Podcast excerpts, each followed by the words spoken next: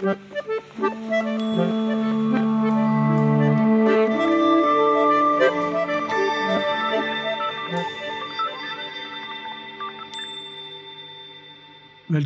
til podkasten Ytringsklima. Her snakker vi om hvordan folk snakker sammen på jobb. Mm. Eh, mitt navn er Øyvind Kvalnes, og gjest i dag det er Tom Remlov. Som, du, du, har en veldig fin tittel her på BI, Tom. Velkommen i studio. Mm, takk skal du ha.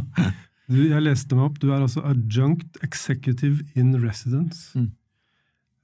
Du har lang fartstid som, eh, med topplederverv i norsk kulturliv. Og eh, for en stund siden så holdt du et veldig spennende foredrag for oss internt om et begrep. Du snakket om fortrolighetsrom, og det var veldig spennende, syns jeg. Kan du fortelle hva du legger i det begrepet? Hva er et fortrolighetsrom? Altså Først og fremst så er det, altså fortrolighetsrom er et vakkert ord. Um, og jeg forelsket meg i ordet uh, omtrent samtidig med at jeg uttalte det for første gang. Og tenkte dette det er et begrep som lar seg fylle enda mer enn jeg forestiller meg her jeg nå sitter og, og, og bruker det, tenkte jeg da. Og, og det viste at det, at det var. Det er, ska, det er et ord som skaper assosiasjoner. Og det er jo tydelig, det, det skapte jo også noen hos deg.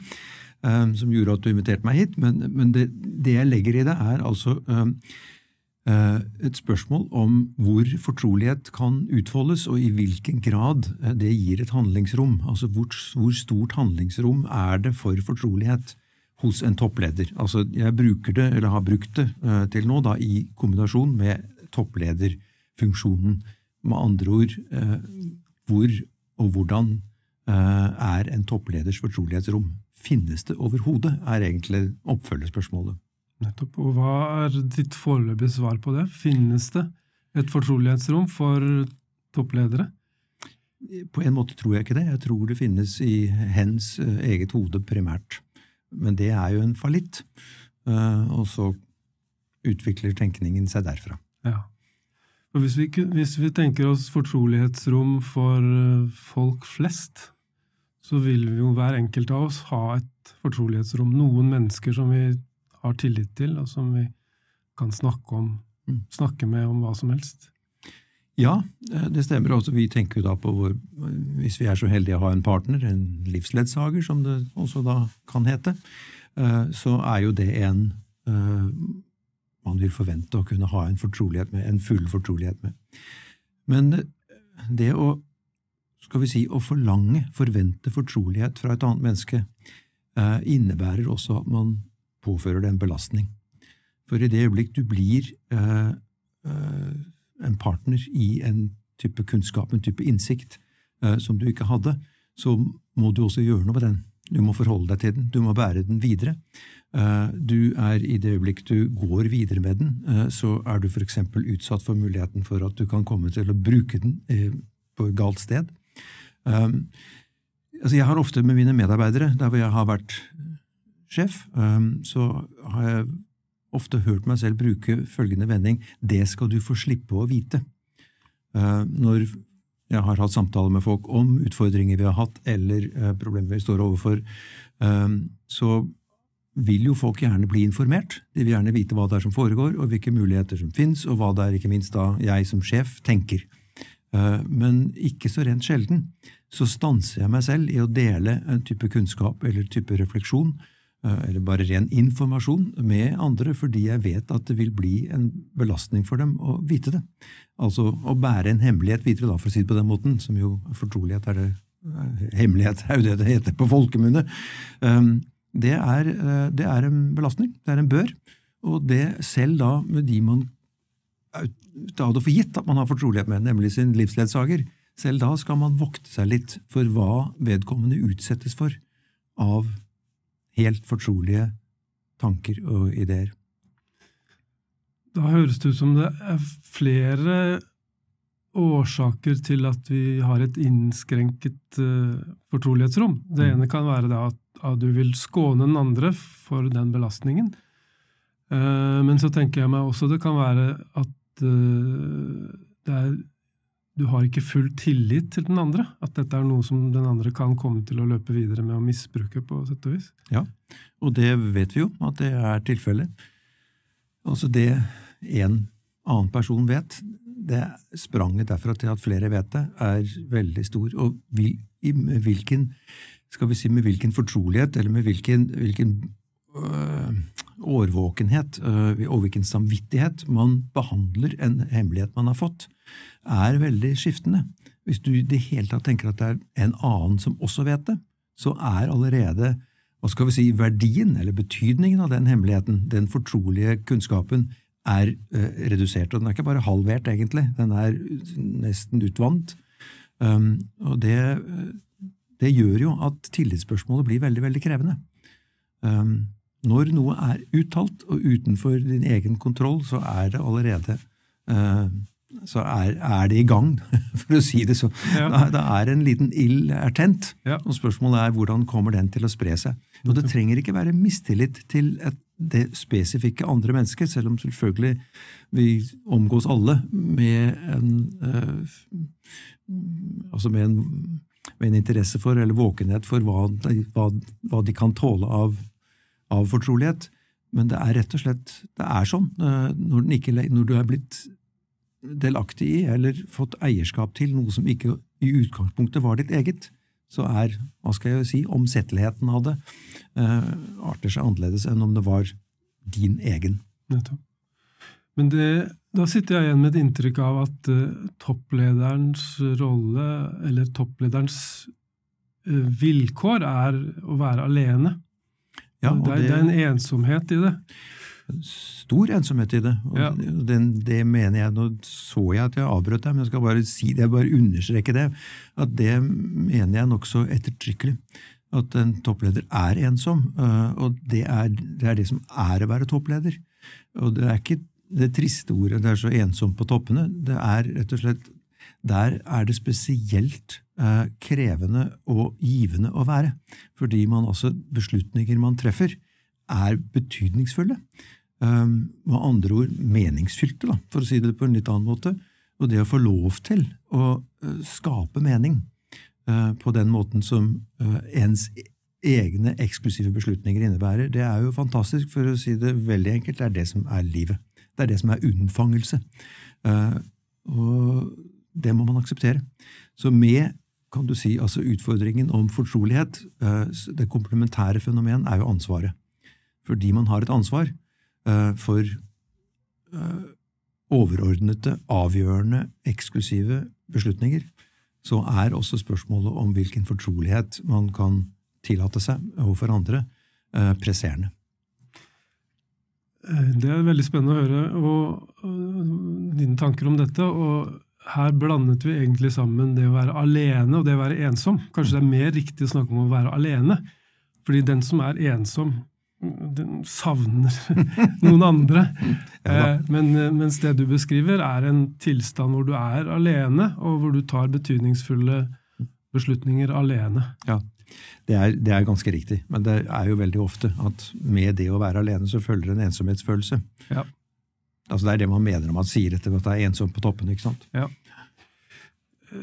Da, da du fortalte oss om dette på det seminaret, så noe av det jeg tenkte umiddelbart, var at det du beskriver, egentlig går imot mye av det forskningen og teorien sier om uh, sårbarhet. Mm.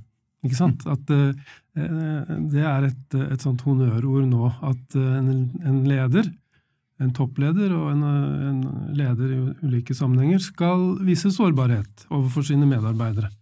Og at det er en styrke. Hva tenker du om det? Nei, altså, I den forelesningen eller foredraget jeg hadde, så stilte jeg også spørsmålet er en toppleder et menneske. Ja. Um, og Det høres jo bare ut som en halvvittig retorisk vending, men jeg mener det helt alvorlig. Jeg tror svaret også på det er nei. En toppleder er først og fremst en rolle. Uh, med andre ord, uh, altså kongen er død, lenge leve kongen. Um, det er en rolle som fylles, en funksjon. Eh, og som sådan er man ikke et menneske. Så er man selvfølgelig et menneske som fyller rollen, eh, men eh, det er først og fremst rollen det handler om, og det er rollen man skal være seg bevisst. Og mer enn for noen annen i enhver virksomhet så er forståelsen av ens jobb som rolle avgjørende. Vi har et, I teatret slår det meg nå akkurat nå, her når du spør som du gjør, eh, slår det meg vi har en veldig brutal vending, men som vi bruker ganske ofte. Um, som er når en skuespiller uh, privat står oppe i en besværlig situasjon, om det er at ens nærmeste har gått bort dagen før premieren, eller for den saks skyld på ettermiddagen på premieredagen at noe dramatisk har skjedd, at kona di har slått opp, whatever. Um, da er svaret, og det tillatelige svaret på det, er bruk det. Med andre ord, ta den tragedien, det forferdelige, ta det med deg inn i ditt arbeid med rollen. Gjør det til en del av rolleutøvelsen, av funksjonen, som rollen på, scenen jo er. Og Det er det samme jeg mener at en toppleder det har en toppleder anledning til, å ta det med seg inn, men med full forståelse om at det fortsatt handler om rollens eh, oppgaver. Eh, snarere enn privatlivets behov. Um, ja, jeg snakker sikkert mer komplisert om dette enn jeg, enn jeg bør, men jeg mener dette nokså ettertrykkelig. Ja. En toppleder er i den forstand ikke et menneske. Men selvfølgelig, man får, får ingen, altså man kan ikke etablere noe fortrolighet med noen hvis ikke den man snakker med, de man snakker med, også uh, får adgang til å uh, se hele mennesket, uh, som er det det i så fall er snakk om. Um, så jeg har i hvert fall satt eh, der hvor jeg har forstått nå teorien og, og vitenskapen og, øh, nå fremhever dette med sårbarhet som særlig, et særlig positivt trekk ved toppledere, eller ved ledere i det hele tatt, og at ledere må lære seg til å vise sårbarhet. Jeg vil si ja, hvis det handler om å vise feilbarlighet, så er jeg helt med. Men feilbarlighet handler fortsatt om øh, mangelfull rolleutøvelse. Sårbarhet handler om at du som leder trenger noe privat fra den andre. Og det kan jeg ikke godta. Som leder bestemmer du til enhver tid hva du trenger. Du har myndigheten til å bestemme det. Jeg tenker meg at eh, sårbarhet eh, i den jobbforstand ikke nødvendigvis handler om noe privat, men uh, sårbarhet kan være at, å si at jeg trenger dere. Mm. Dette klarer jeg ikke alene. Jeg står fast. jeg trenger innspill fra dere. Og, og, Det er jo en måte å vise sårbarhet og feilbarlighet i for seg, men jeg tenker at sårbarhet er det overordnede begrepet her. Mm -hmm. Og så er feilbarlighet et eksempel på en måte det går an å være sårbar på, har jeg tenkt da. Ja, altså Jeg syns da sårbarhet er et, eh, er et, feil ord, for å si det sånn. Mm. Uh, fordi sårbarhet er, er liksom at man er utsatt hinsides sin egen kontroll. Uh, og, og hva skal ens medarbeidere gjøre med det? Altså Når du har den øverste myndighet, så er det du som kan bestemme vilkårene til enhver tid for din rolleutøvelse, men at du ikke kan mestre oppgaven alene. Altså Hvis du ikke kunne ved, vedgå det, så uh, burde du se deg om etter en annen rolle, for å si det sånn. Uh, så det er noe helt annet. Du nevnte en gang tidligere at, i en samtale at uh, du hadde reagert en gang en, en, Jeg tror det var en teaterregissør mm. som hadde sagt til sin gruppe mm. at jeg sliter for tida. Eh, så dere skal være klar over at jeg sliter for tida. Og da sa du til han etterpå at det der skal du ikke si til gruppa di. Du kan si det til meg, mm. din leder, men eh, du skal ikke dele den eh, informasjonen med dine, din, din, gruppe. Ja, eh, og det mener jeg bestemte Han, altså En regissør er jo da en leder. Ja. Altså er en prosjektleder, ikke sant? Ja. Og er satt til å lede en, en, et, en teaterproduksjons tilblivelse. Um, så alle som arbeider på den produksjonen, forholder seg til regissøren som leder og som den som fører an.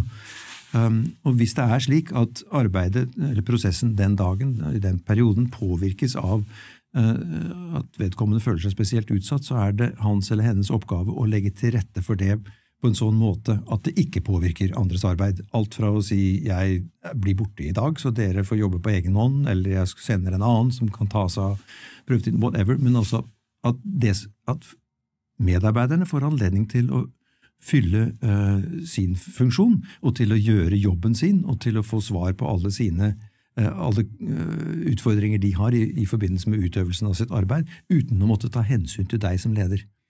Det det, I det øyeblikk du signaliserer sårbarhet, så må noen ta hensyn til deg. Ja, men Det, det jeg tenkte først da du fortalte det, var at hvis jeg forteller som leder at uh, jeg sliter for tida, så kan det mobilisere krefter hos de andre. da forstår de at de må eh, trå ekstra til, fordi at eh, jeg som leder kan ikke bære dette prosjektet på mine skuldre. Eh, jeg sliter litt for tida, derfor så forteller jeg det til dere, og så håper jeg at det mobiliserer energi. La meg ta eksempel. Altså, hvis, hvis, du kommer på et møte med noen, og det kan for den saks skyld gjerne være en som leder det møtet, som da samtidig har dessverre litt vondt i hodet, men la oss gå i gang.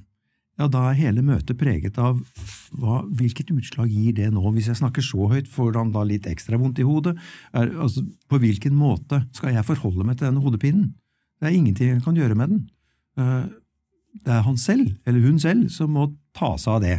Så mitt svar på det vil være ta en Paracet, og uh, la oss andre holde på et kvarter på egen hånd, så kommer du tilbake, og så snakker vi ikke mer om hodepine. Sånn at vi kan konsentrere oss, og alle kan få full utfoldelse for sine behov eh, når de skal delta i prosessen og utvikle sin, eh, sine oppgaver, løse sine oppgaver. Mm. Jeg mener det blir en distraksjon. Mm. Det, er noe, det er ikke noe tilskudd til prosessen. Eh, men det er og dessverre, altså noe av grunnen til at jeg reagerer på det som da øversteansvarlig overfor en da man kan holde det en mellomleder, er at i svært mange tilfeller så brukes dette som et, et vern. Altså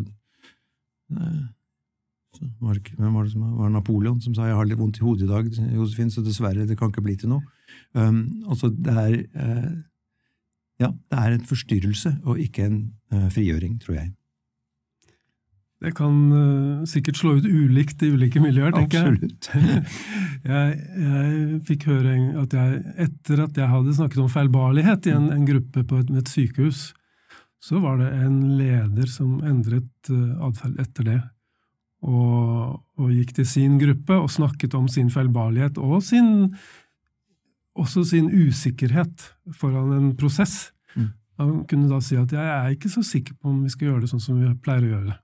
Begge deler er ytterst anbefalesverdig. Altså feilbarlighet, ja, ja. det er selvfølgelig. Uh, det må man ta med inn, men da, da, tar man samtidig et ansvar. Jeg er feilbarlig her. Det betyr, nå, de tingene jeg nå foreslår, de inviterer jeg til Eh, kommentar til, og til å bli motsagt, og til å bli nyansert og foredlet og whatever. Eh, og samme usikkerhet. Når jeg sier dette nå, så tror jeg kanskje at jeg kan komme til å endre mening om, om litt, men det er vi sammen om. Og det overordnede signalet du gir, er at jeg tar ansvar for konsekvensen av det.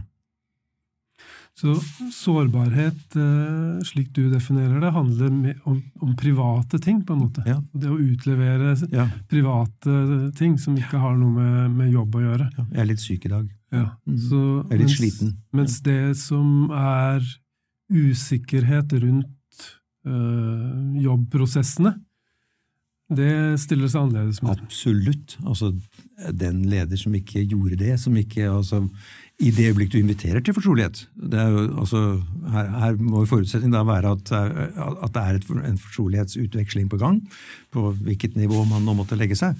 Eh, da må man samtidig si at det er en poeng å ha en utveksling. Med andre ord, jeg har ikke alle svarene, men jeg tar ansvaret for at svaret vi snakker oss frem til, at det blir gitt, og at det kan ageres i henhold til det.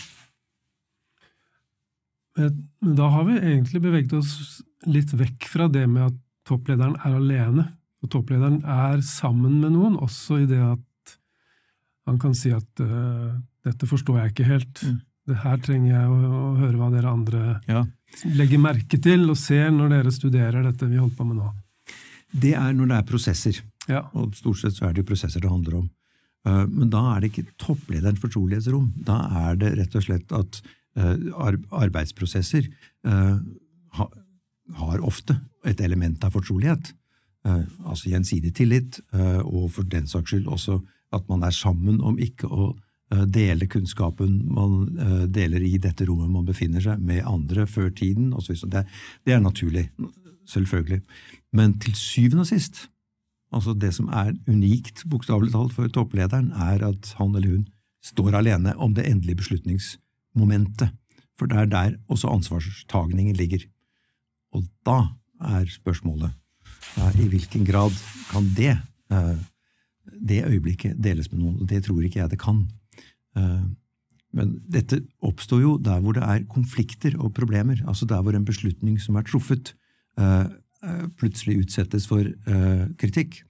Og for min del, jeg, der hvor jeg myntet dette ordet, da, det var fordi jeg hørte en var, var i en sammenheng hvor jeg fikk en, en tidligere fylkesråd fortalte en historie om om en varsling som ble gitt mot henne, og hvorledes hun da havnet i et toårig helvete Eh, med, en, eh, med, et svar på denne varslingen og med å komme seg ut av den situasjonen som denne varslingen plasserte vedkommende i.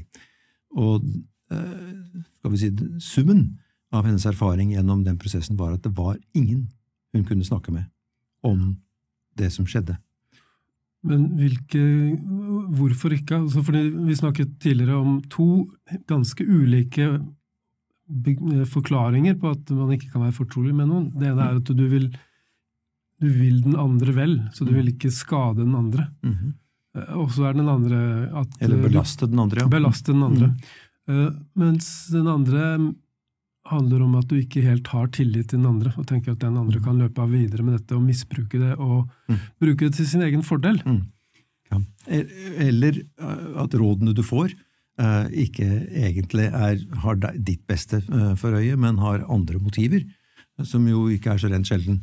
Selvfølgelig fordi det er, folk har andre, uh, andre forpliktelser og uh, andre ting de selv vil oppnå, osv. Så sånn? Ja. Um, og, det, så, og når, når, det er, altså når, det er, en krise, og man er skal vi si, under angrep, under beleiring, uh, og, og, må finne frem til en løsning som vil ivareta ens interesser, og samtidig oppfylle ens funksjon, altså det ansvaret man har påtatt seg, da, når det virkelig står noe på spill, så er spørsmålet hvem er det man kan faktisk henvende seg til uh, med full fortrolighet. Og er det til syvende og sist er det nødvendig? For det er det neste jeg kom til. Ja. Må man ha det? Altså, Tenker man best sammen med andre om slike ting, eller tenker man kanskje best alene? Uh, på det siste spørsmålet er, er, tror jeg at av og til, i hvert fall, så tenker man best alene i betydningen at selv din mest, den mest forbudte tanke Eh, må da tenkes ut, må tillates, mens i, i samtale med og dialog med andre så vil man kanskje justere en, en litt ekstrem, eller litt eh, ja, ja, la oss si en ekstrem impuls, og så vil det modereres hva du tenker, og du kommer faktisk ikke fram til en klarhet som du ellers ville gjort. Er, nå er det et komplisert uh, felt, ja, men, ja. men uh, for å si det på en annen måte, jeg har stått opp i alle disse dilemmaene. Ja. Noen ganger så var det å få fred til å tenke ens egen tanke helt ut, uten å måtte ha, ha noen forpliktelse overfor andres selvbilde eller selvrespekt, eller hva det måtte være, i dialogen med, med deg. Jeg syns det er spennende det spørsmålet du stiller om man tenker best alene, eller om du tenker best sammen med andre. Uh, et begrep som jeg har vært opptatt av i det siste, er vennlig friksjon. Altså jeg tenker Hvis jeg har en idé eller et forslag eller et eller annet hvordan jeg skal arrangere en eksamen, mm. så tror jeg at jeg best, tenker best sammen med andre. Mm. Da, eh, fordi jeg kan eh, lure meg selv til å tro at er, dette er ferdigtenkt, dette kan jeg bare mm. sette i gang. Mm. Så jeg oppsøker da noen som jeg håper kan gi meg vennlig friksjon. Mm. Uh, og da tror jeg det faktisk er uheldig hvis jeg sitter alene på mitt kontor og tenker at dette trenger jeg ikke å sjekke ut med noen andre. Mm. Det er jeg jo selvfølgelig helt enig med deg i. Altså, dialog er, er et gode. Er, dialog er jo en måte å tenke på. Um, og, og, den som ikke oppsøker det, er uklok. Uh, men igjen så handler det om beslutningstidspunktet. Uh, når treffes beslutningen? I, I hvilket rom skjer det? Skal det skje rundt et bord med flere, eller skal det til syvende og sist skje uh, der hvor du bare har deg selv å forholde deg til? Uh, det, er, det, er en spennende uh, moderering, da, tenker ja. jeg. fordi da, da sier du at topplederen er alene i den sluttfasen, mm. hvor du skal bestemme, ta en, ta en viktig avgjørelse. Mm. Men i prosessen fram dit så kan det gjerne være rom for å tenke sammen med andre. Absolutt. Men der er det, altså, det handler om prosess. Og Der hvor det aktualiseres, og der hvor fortrolighetsrommet ble et viktig begrep for meg, var egentlig i krisesituasjoner. Altså når du, når du er eh, når du er veldig utsatt, og hvor en masse andre krefter kommer i spill, og masse andre typer interesser kommer i spill. Altså relasjonen mellom meg som toppleder og styreleder jeg har hatt, for eksempel, er usedvanlig kompliserte. Nå er det en krise for virksomheten. Hvem er det Hvis renommé er det vi skal skjøtte nå, er det mitt eller er det styreleders?